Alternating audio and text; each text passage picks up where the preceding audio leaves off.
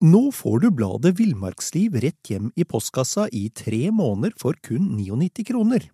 I Villmarksliv kan du lese om norsk natur, ærlige tester av klær og utstyr, og mange gode turtips skrevet av erfarne friluftsfolk, fiskere og jegere. Send SMS VILL36 til 2205 og motta bladet allerede neste uke. Lev livet villere med bladet Villmarksliv.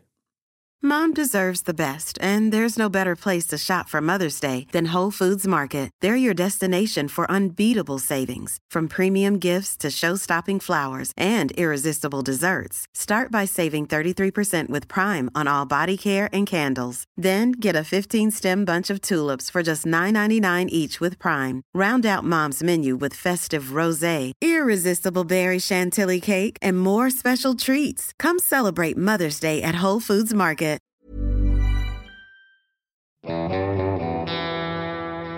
Jan Erik Andersen, du har vunnet eh, NM for løshund to ganger.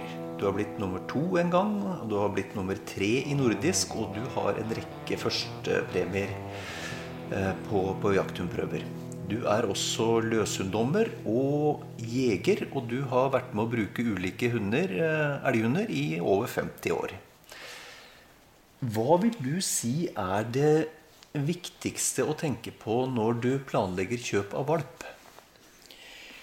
Det viktigste er jo at du går i deg sjøl og tenker på har du tid til å håndtere den valpen du skal kjøpe. Og ikke minst eh, gå igjennom hva som kreves for å kunne få til en ålreit hund. Mm. Og du må avklart med familien og med nære hund- og jaktvenner. da. Og du må bestemme deg. Skal du ha en tispe? Skal du ha en hannhund? Og når du har avklart eh, alt dette der, så begynner egentlig søket etter den valpen du ønsker å, å begynne med. Og bare for å ta det først, sånn i forhold til hannhund eller tispe, hva er avveininga du bør gjøre der? Det er det at eh, velger du ei tispe, så har du det med løpetid. Eh, velger du tispe, så har du kanskje tenkt litt mer på avl og hva som skal til der. Og jeg tror vel jaktmessig kan de være like gode. Ja. Men det er litt mer utfordringer med tispe, slik som jeg ser det. Men jeg har hatt begge deler. Ja. Ja, for det Er klart, er du uheldig og, og løpetida faller eh, fra 25.9. og fremover, så har du i praksis ikke elghund den høsten. I hvert fall den neste måneden. Det er helt riktig. Og har du begge deler hjemme, så er det en utfordring hver gang det er løpetid. Det har jeg opplevd. ok. Når det gjelder, når det gjelder um, linjevalg, og for å på en måte finne fram til det riktige kullet, hva er det du ser etter da? Jeg eh, studerer de linjene som har gjort det bra jaktmessig. Og studerer først og fremst på tispelinjen. Går noen generasjoner tilbake der. Og studerer da mest det jaktmessige, men også ser på at eh, det eksteriøret har vært noenlunde greit og innafor standarden. Men det jaktmessige er det viktigste. Og da er det jo å studere resultater, hva den hunden har oppnådd. Ja. Og så er det jo viktig å ta noen telefoner. For det er jo ikke alle hunder som stiller på jaktprøve. Og da må du sjekke hva med de individa. Mm. Noen stiller fordi de ikke har interesse, eller unnlater å stille. da, mm. fordi de ikke har interesse. Og andre stiller ikke fordi de har ikke det riktige eksteriørmessige kravet. Nei. Det her krever jo litt, eh, litt, innsikt åpenbart i å finne den informasjonen her. Er det vanligvis lett å få hjelp til å, til å finne riktig kull? Nå tenker jeg, nå jeg Elghundforbundet eller lokale elghundklubber. Altså, det, er det, er jo ikke alle som er så inni det at de, de vet nøyaktig hvor de skal leite.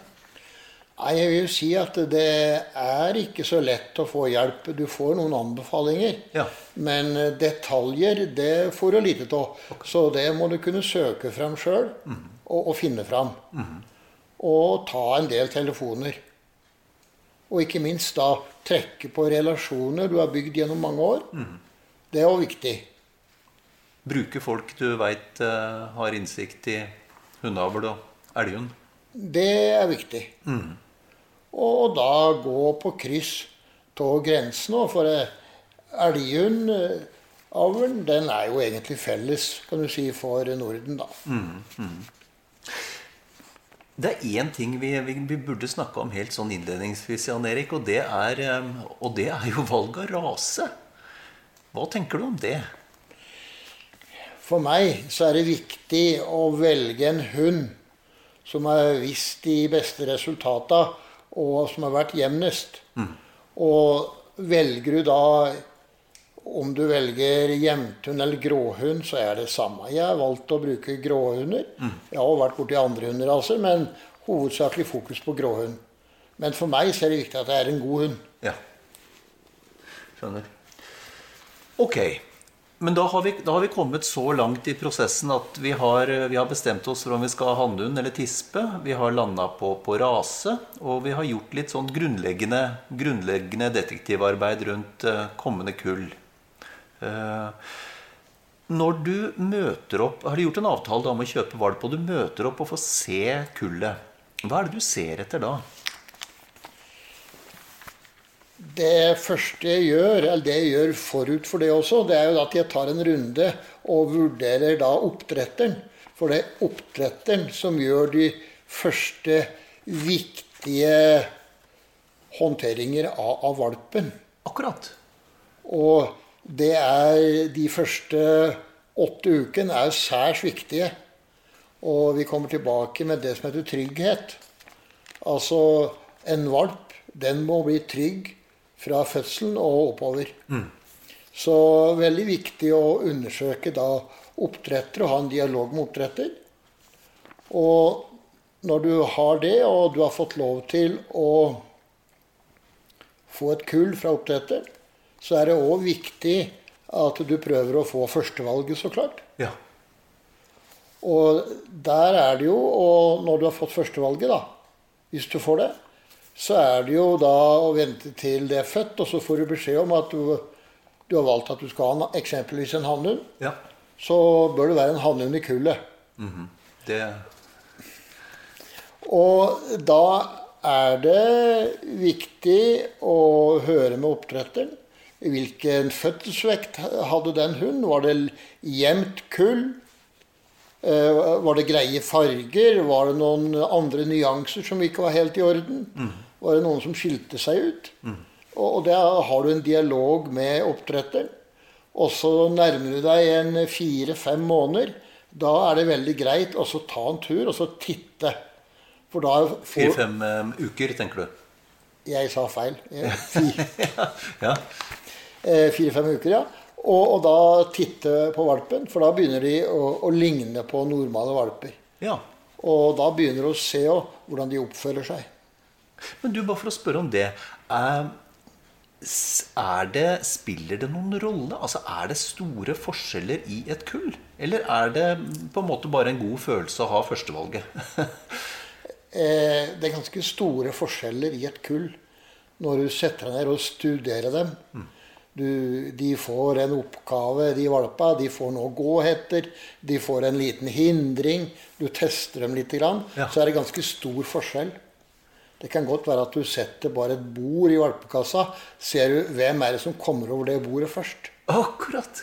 Ja vel. Og, og helt at det er alltid noen som er litt frampå, Ja. og noen som er litt mer eh, tilbakelent. Og, og hva er det du Holdt jeg på å si, hva slags typer er det du ønsker da? Nei, jeg ser nok eh, ut etter de som er mest alfaprega. Så jeg egentlig ser etter de som er mest frampå. Lederne. Ja. Og det er også de hundene som er mest å jobbe med.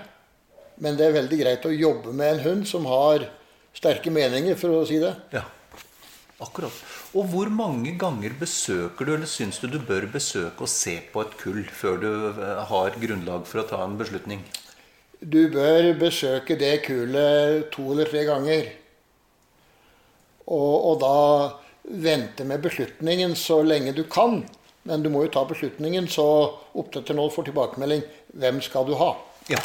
Og da er det veldig viktig også at den hunden blir markert på en grei måte. Altså den hunden er tydelig markert. Så det er ikke noe tvil når du skal begynne å hente ut hunden. Nei, rett og slett merka. Ja. Sånn at Enten du i bånd eller farge. Eller, Ja. Akkurat. Ok. Ehm, Du nevnte det å sette et, et, en hindring inn i, inn i valpekassa, holdt jeg på å si. Er det andre, er det andre triks du benytter da for å, for å sjekke? Ja, veldig ofte når de blir eh, fem-seks uker og har slitt eldre, så er det veldig ofte at de kommer ut. Og da vil du jo se på forskertrangen, for å kalle det utforskningstrangen. Og, og da ser du veldig ofte de som da er ute, er uredde osv. Så, videre, så er forskjell på det. Og litt opp til hvordan de, de er i praksis. Ja. Og du ser også i matskåla, når de får mat, Akkurat. så ser du hvem er det som tar for seg først, og hvem er det som er sist. Nettopp. Skjønner. Ok. Men, men greit. Da har, da har vi eh, valgt oss en valp og, og fått den hjem. Og da tenker jeg sånn umiddelbart på hva er det, hvordan tilrettelegger du? Både med tanke på fòring og plass den skal ligge i huset. og Hvordan tilrettelegger du når du får en valp inn i huset? Det er veldig viktig, som du sier, at det er tilrettelagt. Du har et bur som man venner seg til. Det er hans eh, bod. Og som er i, på samme sted helst. Du ikke flytter på det. Og når du får en valp i hus, da, så er det jo viktig at eh, du står fram som en tydelig leder. Så valpen opplever, opplever at eh, dette her er eh, lederen i flokken. Og starter med å håndtere det på en grei måte. Du er mye sammen med valpen. Det er viktig hvis du kan ta en tur ut, ligge i telt eller ha med deg valpen for å knytte nærhet. Det viktigste er at du er mye sammen med valpen faktisk hele første måneden. Ja. Det er det viktigste. Ja, For det husker jeg en, en eh, annen eh, elghundmann fortalte meg en gang at eh, første, første natta eh, han hadde valpen hjemme, så la han seg alltid, dro han alltid ut og overnatta eh, i telt, sånn at han fikk knytta valpen til seg den med en gang. Det som er viktig, det er at valpen opplever gode forhold. Så hvis du skulle reise ut f.eks., og det er striregn og vanskelig og vondt, så er ikke alltid det positivt. Så, så det er at eh, valpen opplever gode forhold. Og trygghet. Ja, og ikke minst trygghet. da. Tryggheten er det aller viktigste. Ja. Og når det gjelder, når det gjelder fòring, hvordan går du fram der? Der er det viktig å ha dialog med oppdretter. Og fortsette den fòringsmetoden som oppdretter har brukt. Og det antall fòringer per dag. Du begynner med det, og, og du får med deg nødvendig fòr fra oppdretter. Og fortsetter med det fòret, så det ikke blir noe brå overgang. Nettopp. For det er tøft for magen. Det er tøft for magen, ja. Ja. Og aldri overdrive fòring. Nei. Det er egentlig å være nøye med å følge med. Og etter hvert da så går det over til uh, fòring. eh, ja, ettersom valpen vokser, da, så blir det normalt eh, to ganger om dagen. Ja. Ja. Akkurat. Ok. Um, hvordan holdt jeg på å si, hvordan legger du opp løpet eh, for å få en elghundvalp trygg? Eh, trygg i skogen og trygg i andre omgivelser. Det er alltid å trene, for å kalle det det. Da. Altså være ute når det er gode forhold. Så opplever hunden da, eller valpen, eh, at eh, det faktisk er trygt og fint å være på tur. Nettopp. Og det er uansett om du er en tur på et jorde, tur i skogen, whatever, at det er ålreit.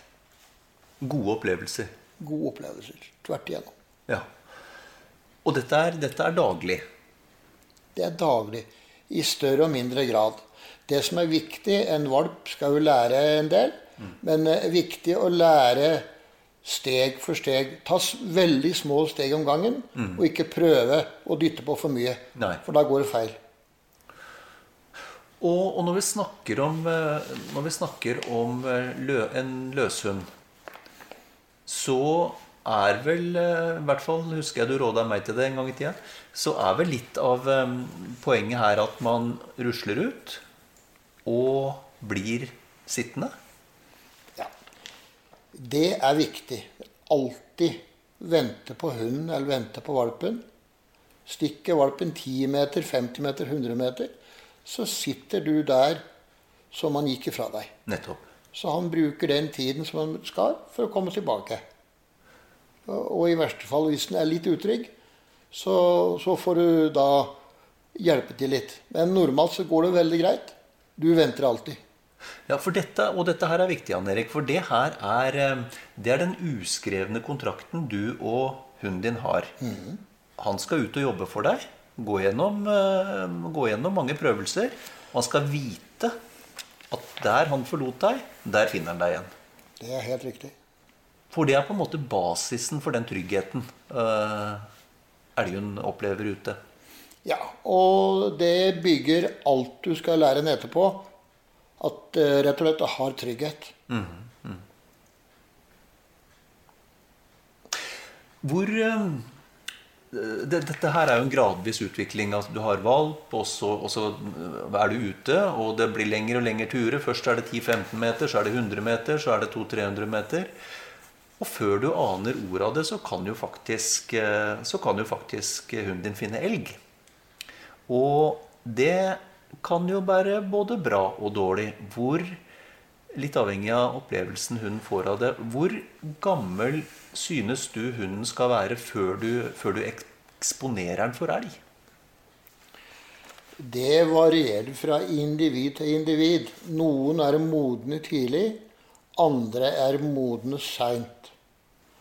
Og erfaringsmessig så bør faktisk hun være i nærheten av et år før du da slipper den med det hensiktet at den skal få en los.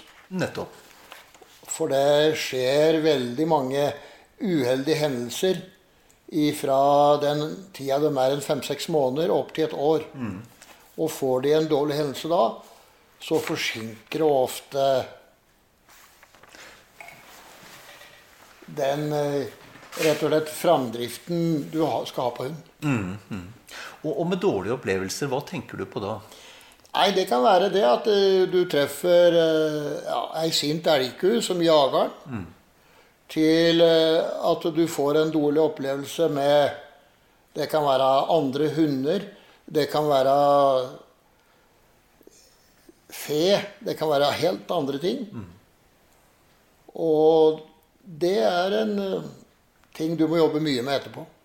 Ja, for, for dette er hendelser som da gjør hunden redd eller engstelig, og som byg, eller bryter litt ned den selvtilliten du har bygd opp så langt. da. Ja. Og da er det egentlig å kontrollere det. Gå den turen på gang. Se om en klarer å tørre å stikke ut de 200-300 metera. Mm. Komme tilbake, stikke ut på nytt. Eller om du faktisk må starte på at den kanskje tør å gå over 50 meter.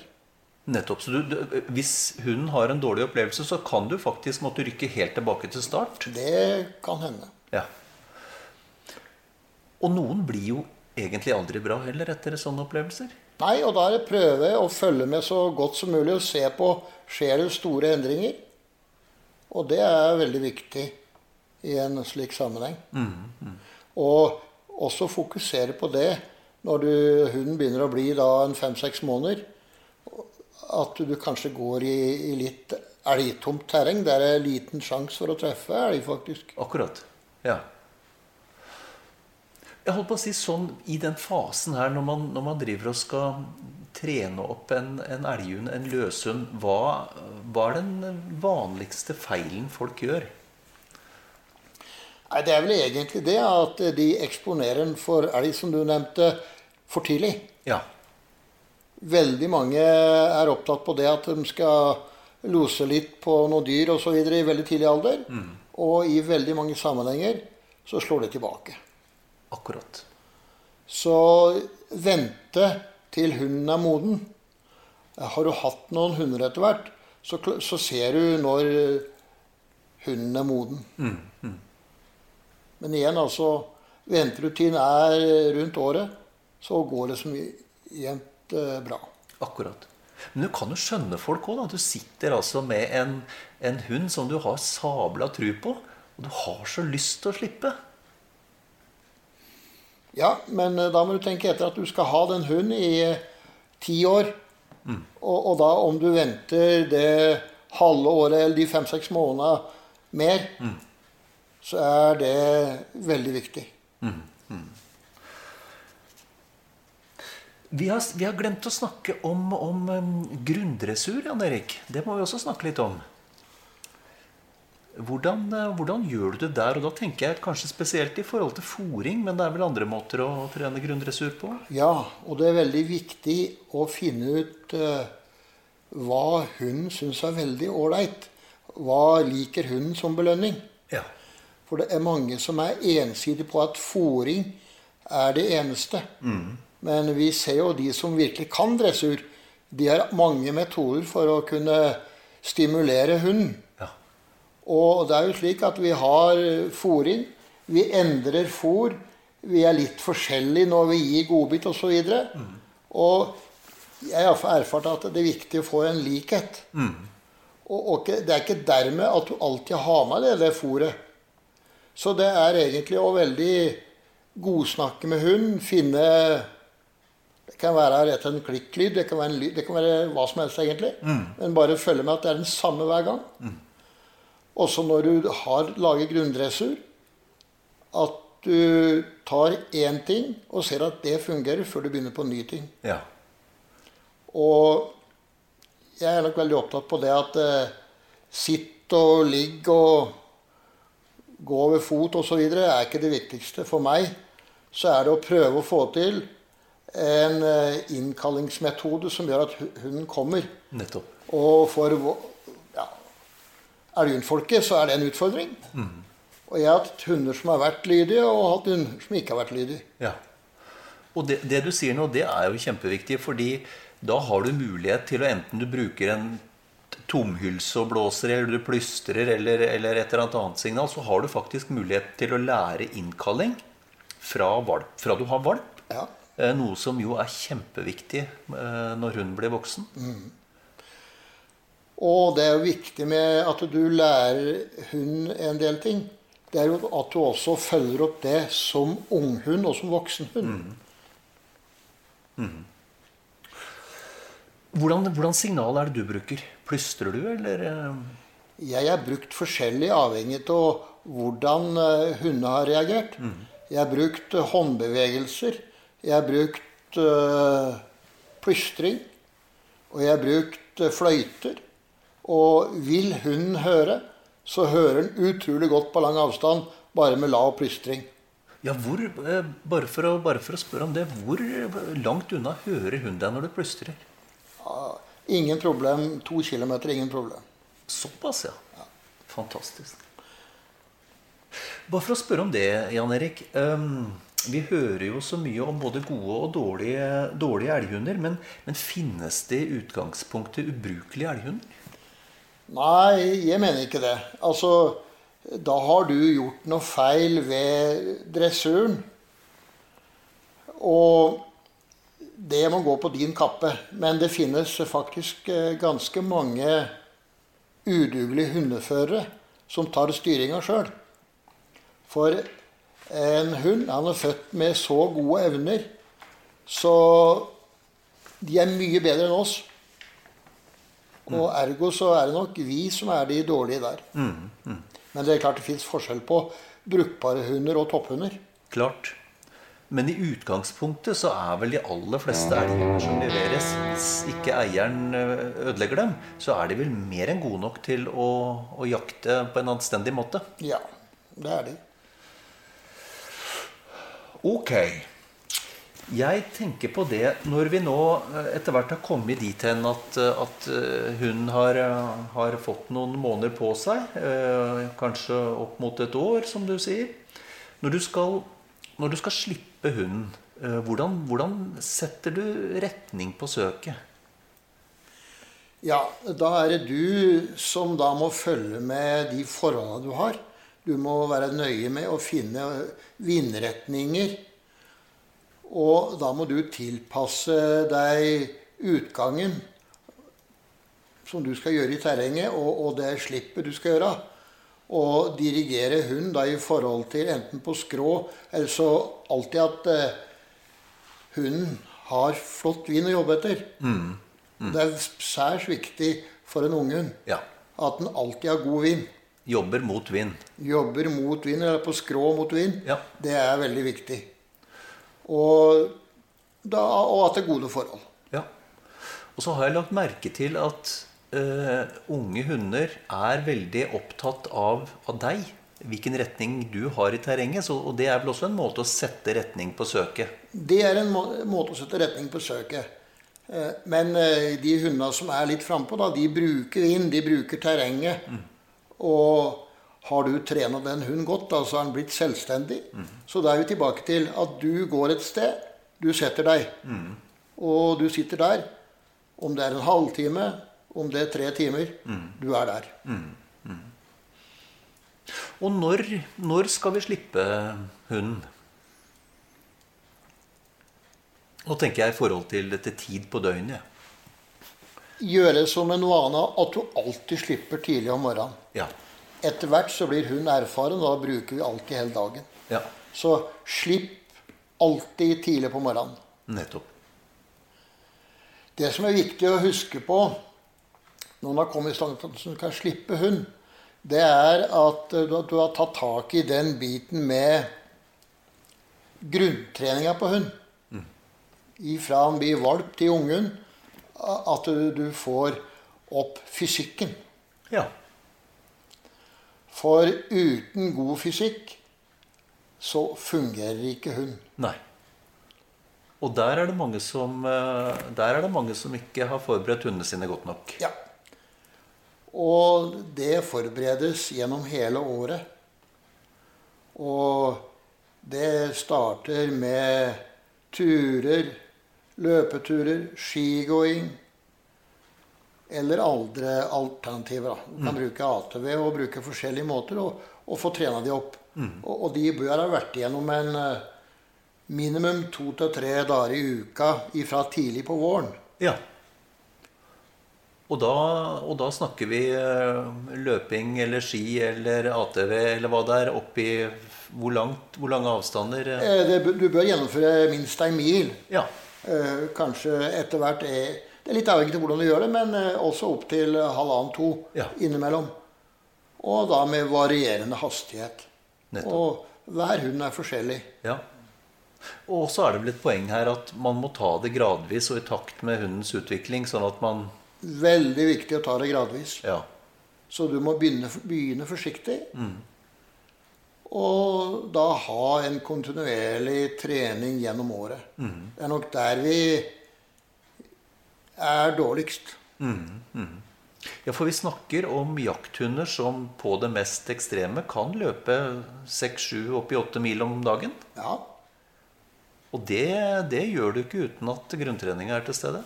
Nei, og er du ikke i orden på grunntreninga, og, og du får en dag på en 6-7 mil Hvis du ikke er topptrena, så fungerer heller ikke elgarbeidet. Nei, akkurat. For det tross alt, når du er oversliten, så klarer du ikke mer. Nei. Spennende. Ok. Jeg tenker sånn Vi har jo snakka om, eh, vi har snakket om dette året som etter din oppfatning er sånn pluss-minus riktig tidspunkt å, å slippe en, en hund på elg.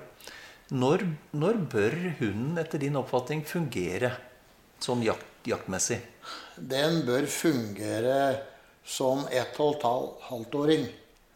Eh, I noen tilfeller iallfall som to og et halvt-åring hund. Og så frem til du ikke har noen dårlige opplevelser, så vil det ofte kunne være senere. Men eh, fra ett og et halvt til to og et halvt. Men helst som ett og et halvt-åring bør hun fungere. Ja. Og hvor lenge skal man vente, holdt jeg på å si? Um, Nei, altså Det er jo egentlig Hvis den ikke fungerer, så må du finne Nå får du bladet Villmarksliv rett hjem i postkassa i tre måneder for kun 99 kroner. I Villmarksliv kan du lese om norsk natur, ærlige tester av klær og utstyr, og mange gode turtips skrevet av erfarne friluftsfolk, fiskere og jegere. Send SMS VILL36 til 2205 og motta bladet allerede neste uke. Lev livet villere med bladet Villmarksliv. There's never been a faster or easier way to start your weight loss journey than with PlushCare. PlushCare accepts most insurance plans and gives you online access to board-certified physicians who can prescribe FDA-approved weight loss medications like Wigovi and Zepbound for those who qualify. Take charge of your health and speak with a board-certified physician about a weight loss plan that's right for you. Get started today at plushcare.com slash weight loss. That's plushcare.com slash weight loss. plushcare.com slash weight loss. hvorfor den ikke fungerer. Og da er det egentlig å ta tak i de utfordringene du sitter på. Prøve å trene og, og, og lære dem opp i de skavanka som du eventuelt oppdager. Og prøve å få det til å bli bedre. Og da blir det veldig ofte året etterpå. For du får ikke retta opp dette i løpet av kort tid uansett. Nei. Det er vel erfaringen, da. Hva hvis eksempelvis eh, hunden har et, eh, et dårlig utvikla søk? Er det noe du kan gjøre eh, for å, for å bidra til, til utvikling der? Ja, da er det jo tilbake til det vi snakker i valpekassa med å begynne å bygge trygghet. Altså bygge trygghet, gå ut med hund, se hva som skjer. Du går ut, og du sitter og venter, og du ser på hva som skjer. Og da etter hvert så kommer tryggheten, og da kommer også søka i veldig ofte i mange sammenhenger. Akkurat, så, så det er tryggheten som er avgjørende for, eh, for søket? Ja, min erfaring er det at er hun trygg, så pleier den som regel å søke greit. Akkurat. Veldig ofte ser du hund, går og ser etter deg. Og da lurer den på hvor er du? Og så er det vel, er det vel litt sånn um, at man kan slippe og slippe og slippe, og det er svært moderate søk. Og plutselig så løsner det. Plutselig så skjer det et eller annet. Ja, og det skjer veldig ofte i den sammenheng at eh, hun får luft i nesa og stikker etter et spor. Og er veldig heldig, så får du los også. Men altså, du bygger mer og mer erfaring. Og etter noen sånne hendelser så ser en kanskje også at det er ikke så farlig å dra ut på søk. Nei. Og da også jaktlisten bygger seg mer og mer opp på. Og der også, som vi snakka om innledningsvis her, eh, denne tryggheten som du bygger inn hos valpen når du er ute og lufter de første ganga, det er jo like viktig litt seinere. Når ungen er ute på får et, eh, slår ordentlig ut første gangen. At han finner deg der du, der du forlot den. Ja, og da må du sitte. Og igjen, om det er eh, to eller fire timer eller lenger, så må du være der. Nettopp. Et, en annen problemstilling som, som mange, mange elghundeeiere er opptatt av, Villmarksliv eh, hunden er sponset av sin Herkila. utvikler og leverer premium jaktbekledning inn innen alle jaktformer til den kvalitetsbevisste norske jegeren. Opplev er nyheter og kolleksjon fra Herkila i din lokale jaktbutikk, eller gå inn på harkila.com. Herkila, trust your instinct. og se om en loser da. Annen mulighet er jo å ta en erfaren hund som står i los, slippe på hund og se om det fungerer. Ok, ja, for det der er litt sånn delte meninger om uh... Det er delte meninger, og det er også, eh, etter min mening, da Det er en, ting du, det er nødløsning. Ja. Men det er jo bare å se om hunden loser sammen med en annen hund. Og noen begynner aldri å lose. Nei vel. Og da må du se om du kan uh, bruke den som båndhund. Ja, akkurat. Men uh, de aller fleste som blir trygge nok og sikre nok, de loser. For veldig ofte loser de på etterjag. Akkurat. Ja. Så det, dette med los er også et uh, utslag av, av, trygghet? Ja. Nettopp. Uh, når Når hun har, um, har sin første los Du har trent i lang tid. Endelig har søket kommet. Den står i los for første gang. Det er under jakt. Hva gjør du da? Hvordan legger du opp løpet da? Da er det første du gjør, det er jo egentlig å gå i deg sjøl og se og erkjenne er du en erfaren person til å gå inn på en los. Mm.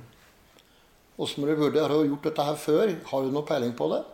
Da går du inn på på vanlig måte. Tar deg god tid. Har du ikke noe særlig erfaring, så spør du en annen på jaktlaget som har kanskje erfaring. Mm. Vil du gå innpå? Mm. Og dere ble enige om det. Og da er det jo igjen å bruke god tid og følge med vind og, og, gjøre det du skal gjøre for å gå inn på en los. Ja, ja Ta det kort, Jan Erik. Hva, hva, skal vi gjøre for å gå riktig inn på en los? Ja, Første er jo det at du har dekka til ansikt og fingre, så du ikke er blank og hvit der. Mm. Små rørelser. Lite sideveis bevegelse. Gå så vinkelrett på dyret som mulig? Ja, gjør det. Og, og, og gjerne krype, åle der du er usikker. Men uh, bruk god tid, for du har egentlig veldig god tid. Og gå aldri for nærme. Og når du kommer inn i losområdet, så er det veldig ofte viktig å sette seg der. Og da vil veldig ofte hun merke at du er i området. Den, den, den, den, ser deg, eller den merker deg, den uansett? Den merker deg at du er der. Ja. Og da kan det godt hende at hun kommer innom deg, og det er ikke noe feil. Nei. Og da kommer hun innom deg, hilser på deg og, og gjenopptar losen. Ja. Og det kan godt skje en to-tre ganger. Men iallfall vent til du er sikker, og du er trygghet på det er greit å skyte osv. Og, så og du må aldri skyte over hodet på hunden eller ved siden av hunden. Alltid passe på at hunden er i god avstand fra elgen når du skyter. Ja, Og med god avstand, hvor mange meter snakker vi om da? Eh, litt avhengig av terrengformasjoner osv., så, videre, så det varierer. Men eh, det kan være ifra tre-fire meter og, og, og mer. Ja. Som veldig ofte så er jo bevegelse på losen. Mm -hmm. Og da er det alltid vente til eh, du er helt sikker. Mm, -hmm. Ja, For det er vel et element her òg at uh, kuler kan vinkle gjennom et dyr? De kan vinkle gjennom et dyr, og det tar hensyn til alt sånn. Og hvis du er riktig uheldig, da, så skyter du elgen din i, i samme slengen? Ja, og det må du ikke gjøre. For det har faktisk skjedd? Ja. Det er flere som har skutt hunden sin. Mm. Nei, så det er egentlig Bruk tiden. Ja. Dette med å ikke skyte over hodet på hunden, hva er, eh, hva er rasjonalet bak det? Eh, det er jo det. For det første så får du et trykk, og du får en, en lyd. Du kan tenke sjøl hvis noen skyter over hodet på deg. Mm. Det er en ubehagelig opplevelse. Mm. Og klarer du å etablere en skuddredd hund, da har du en utfordring. Nettopp. Og det høres ut på deg nå som om da har du en utfordring som ikke er mulig å løse heller? Nei, da skal du jobbe mye. Ja. For det merker en skuddrett hund at du kommer innpå. Mm, mm. Så kan slutte å lose. Det snakkes veldig mye om uh, ulike dyrs uh, oppførsel i los. Og um, er det din oppfatning at, at, enkelte dyr er lettere å få til å stå enn en andre? Ja, det er nok det i visse tider på året spesielt. Men eh, det er nok det. Mm. Men uh, har du en god hund, så håndterer den de fleste typer dyr. Ok, ja.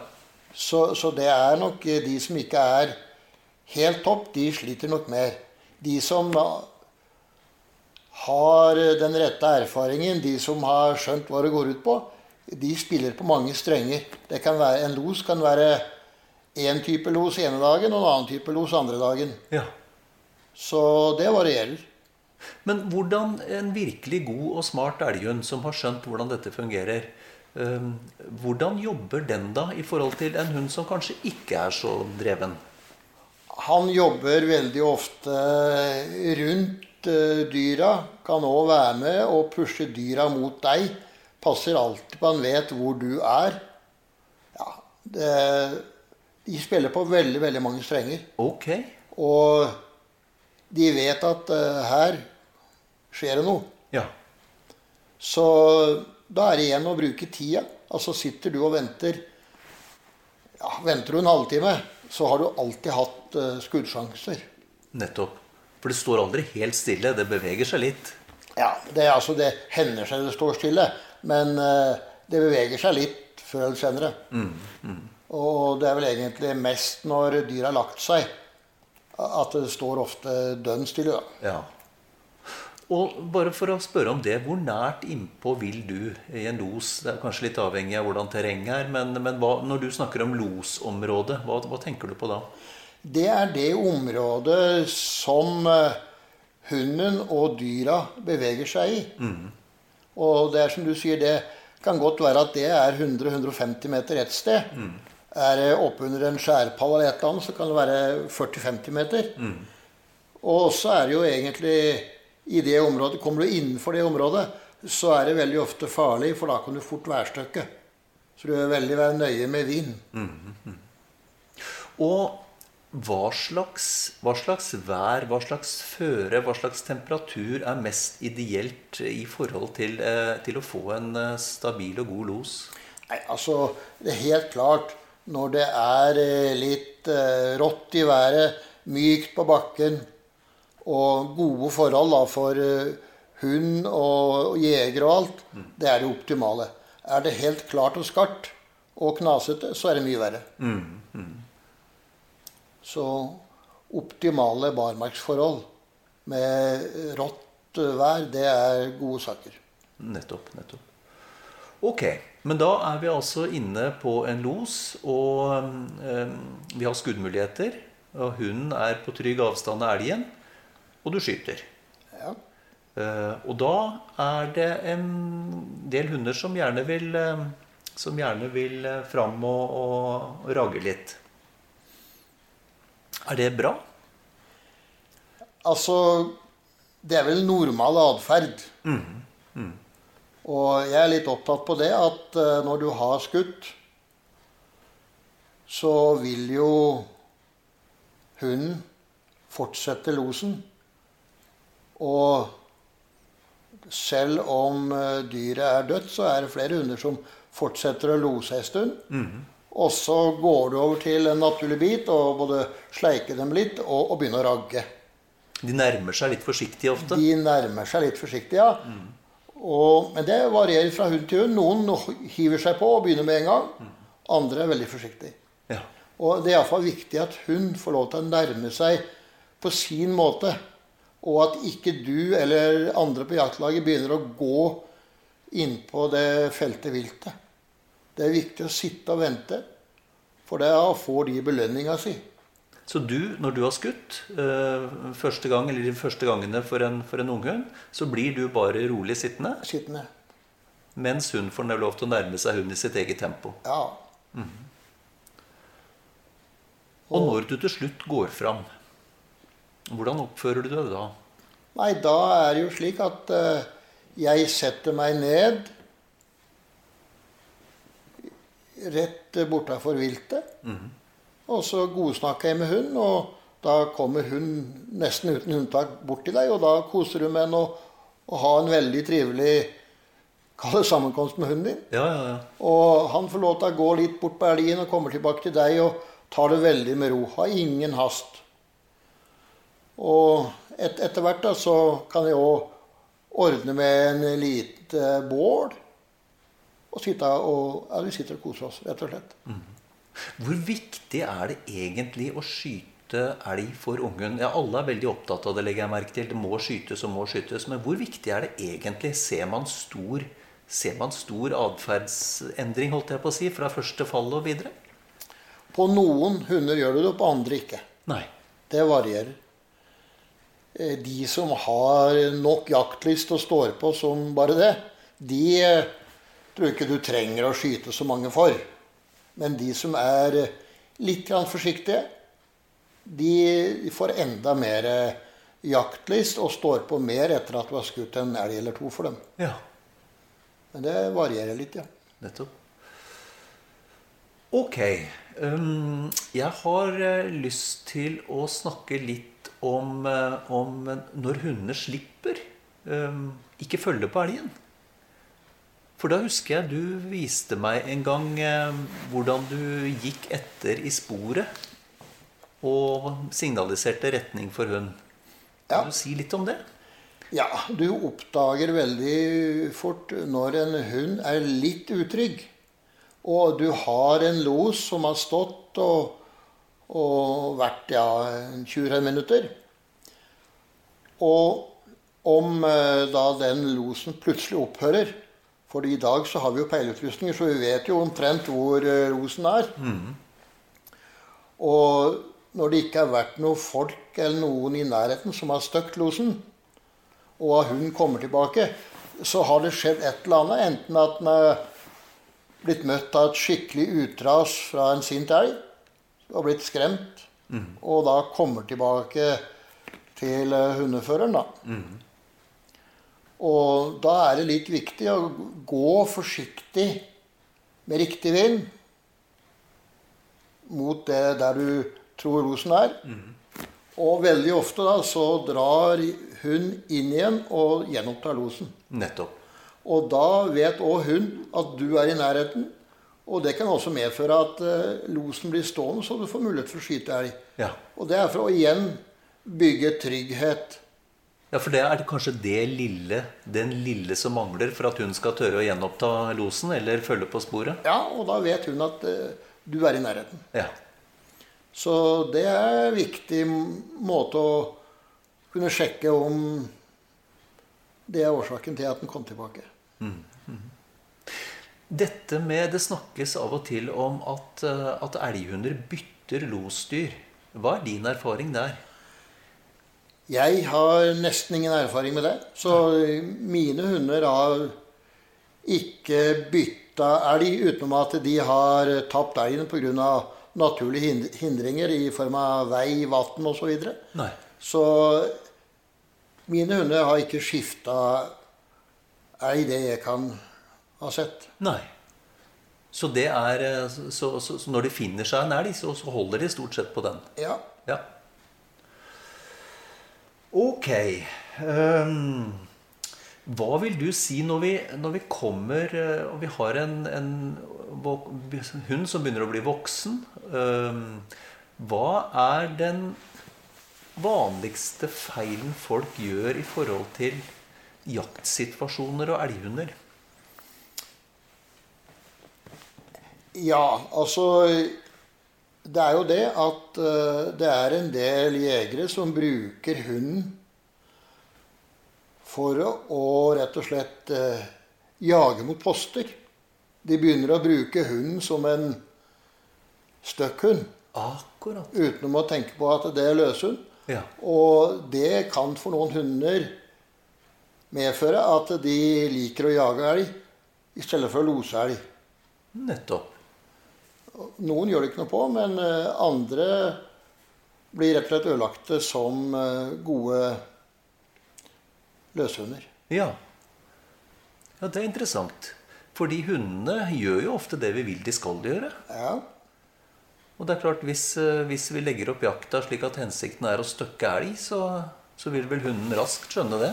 ja, og så er det jo det at eh, det er jo mange som praktiserer forpostering og bruker løshund. Og har du sendt folk ut i terrenget der hun skal finne elg, så har du støkt elg all, i elg i nærheten. Akkurat. Det er så følsomt. Ja. Så, Den vil, den vil reagere på spor. så løshundjakt er, eh, er definitivt ikke noe stor lagsjakt. Ikke før det er los. Nei. Men eh, da å postere etter det har blitt los, det er effektivt. Nettopp. Men eh, det er ikke så lett eh, med den vanlige, tradisjonelle postjegeren å få de til å forstå det. Nei. Så når du jakter med løshund, så går du ut uh, aleine eh, om morgenen. Slipper. Så etablerer det seg los etter hvert. Og da starter postering. Ja. Ja. Nettopp. Interessant. Andre, andre ting du har lagt merke til eh, som folk gjør feil i forhold til bruk av løshund? Ja, Det gjelder vel egentlig litt tilbake til eh, det derre med trening, grunntrening. For eh, det er ikke å forvente at en hund skal fungere dag etter dag i jakta når den nesten ikke har vært løs. Og det er mange som slipper hund dag én, og de får los, og det fungerer. Hun kommer inn om kvelden og er dødssliten. Ja. Og jaktlaget de slipper hunden på neste morgen. Og da orker ikke hunden å gjøre noen ting. Nei. Og da finner kanskje elg, men han orker ikke rett og slett å følge opp og få los og følge elgen Nei. og kommer tilbake. Ja. Og det kan ofte skje to, tre, fire dager etter hverandre. Og til slutt så har de en hund som ikke orker å gå fra beina på dem. Nettopp. Og da må den hunden få lov til å hvile seg i mange dager, faktisk. Ja. Før du kan bruke den. Er det sånn at man kanskje skulle sluppet hund bare annenhver dag hvis den ikke er eh, topptrent? Ja, selv en topptrent hund fungerer best annenhver dag. Nettopp. Du kan godt kjøre en topptrent hund i i en to-tre dager etter hverandre. Det fungerer. Men da må den iallfall ha hviletid. Men tenker du over en hel jaktsesong, så er det ideelt å bruke hunden annenhver dag. Ja. Og, og når du jakter når hunden har gått Vi har snakka kanskje 60-70 km i løpet av en dag, er dødssliten om kvelden, kommer inn hva, hva tenker du på i forhold til fòring da? Fòring og Eh, Det er viktig at den alltid har nok tilgang til vann. Ja. Og så er det viktig også at eh, fôret At den får også fôring sammen med litt vann. At du har, hvis du bruker tørrfôr, bløtte opp fôret. Og så at den får ro rundt seg. ja. Det er viktig. Og spesielt da hvis det har vært en veldig våt dag, at den får mulighet for å tørke seg. Nettopp. Og ikke bare sette den i en kald bil. Nei. Få den inn i hytta i varmen. Få den inn og, og pleie den så godt som mulig. For her snakker vi toppidrettsutøvere Ja, det gjør vi. på elitenivå. Ja.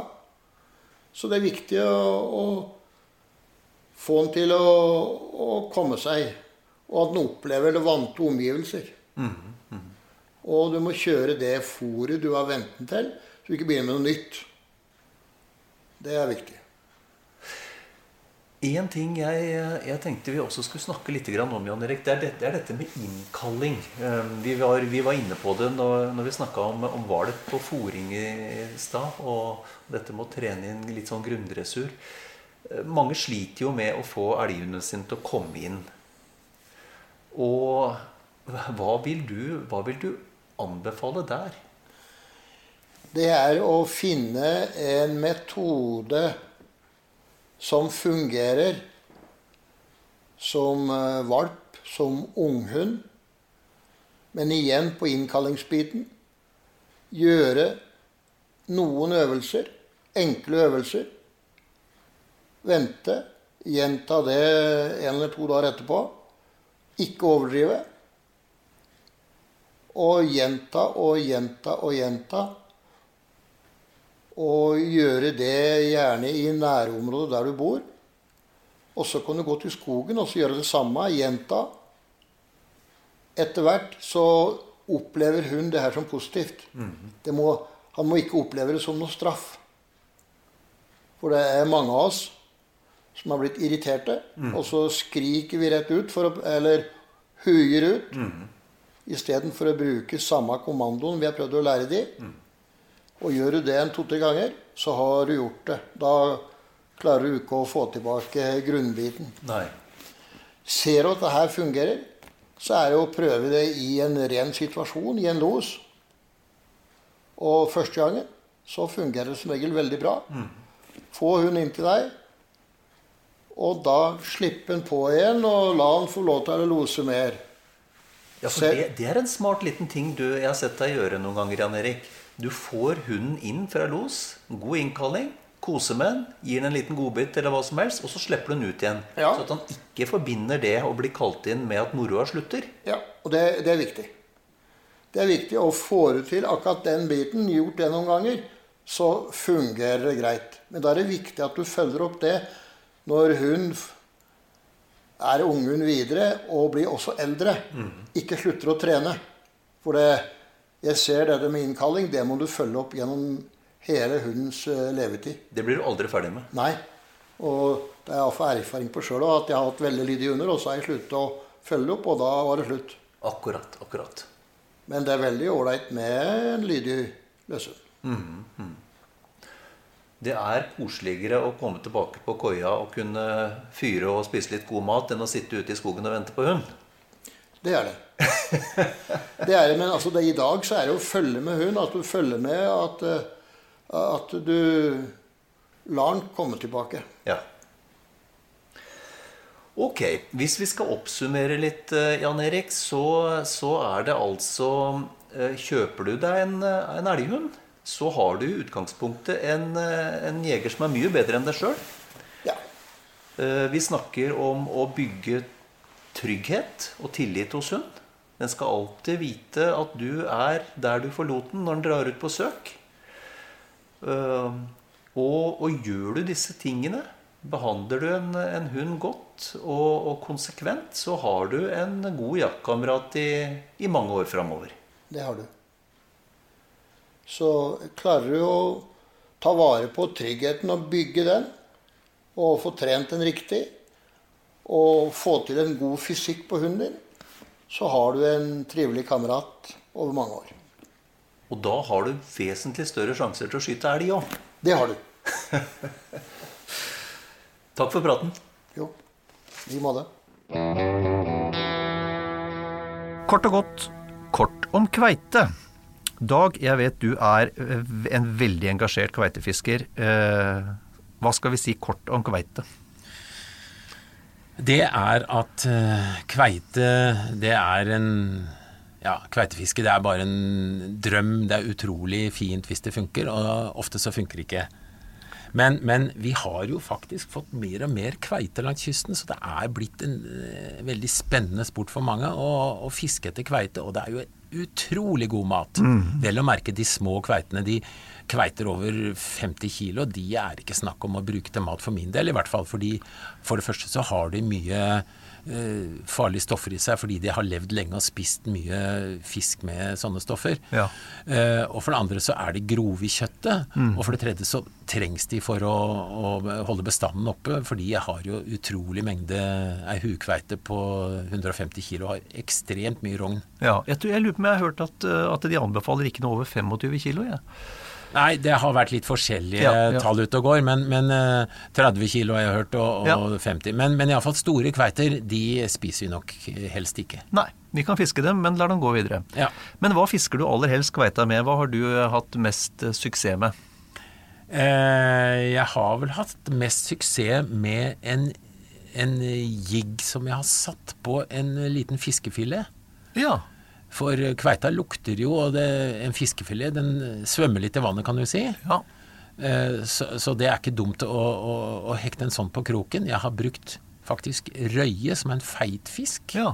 Du kan bruke sild eller makrell, sei. Kan bruke filet av mange forskjellige typer fisk. Ja.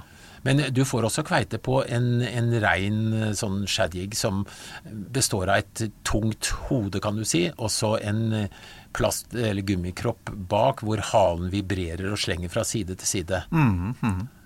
Og siste tips. Eh, hvilke dybder og hvordan fisker du, eh, fisker du når du fisker med jigg og, og agn? Litt avhengig av årstid, men eh, fra litt utpå våren så kommer kveita opp mot grunnene. og på sommeren kan du faktisk få kveite på noen få meters dyp. Men det er i hvert fall ingen grunn til å tro at du må på 100 meter for å fiske kveite i sommerhalvåret. Den, den, jeg fisker gjerne kveite på 25 til 60-70 meter. Og sandbunn ofte, eller? Eh? Ja, grus og sand og litt stein innimellom, og gjerne rett ovenfor en dyp kant. Ja. Hvor kveita kommer og legger seg innpå. Bra.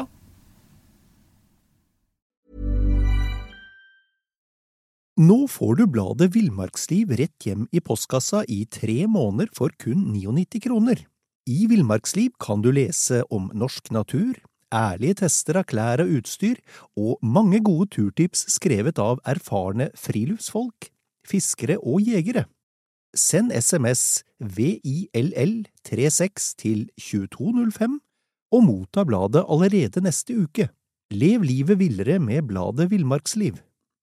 Imagine the softest sheets you've ever felt. Now imagine them getting even softer over time. That's what you'll feel with Bowl and Branch's organic cotton sheets. In a recent customer survey, 96% replied that Bowl and Branch sheets get softer with every wash. Start getting your best night's sleep in these sheets that get softer and softer for years to come. Try their sheets with a 30-night guarantee. Plus, get 15% off your first order at bowlandbranch.com. Code BUTTERY. Exclusions apply. See site for details. Mom deserves the best, and there's no better place to shop for Mother's Day than Whole Foods Market. They're your destination for unbeatable savings, from premium gifts to show-stopping flowers and irresistible desserts. Start by saving 33% with Prime on all body care and candles. Then get a 15-stem bunch of tulips for just $9.99 each with Prime. Round out Mom's menu with festive rosé, irresistible berry chantilly cake, and more special treats. Come celebrate Mother's Day at Whole Foods Market.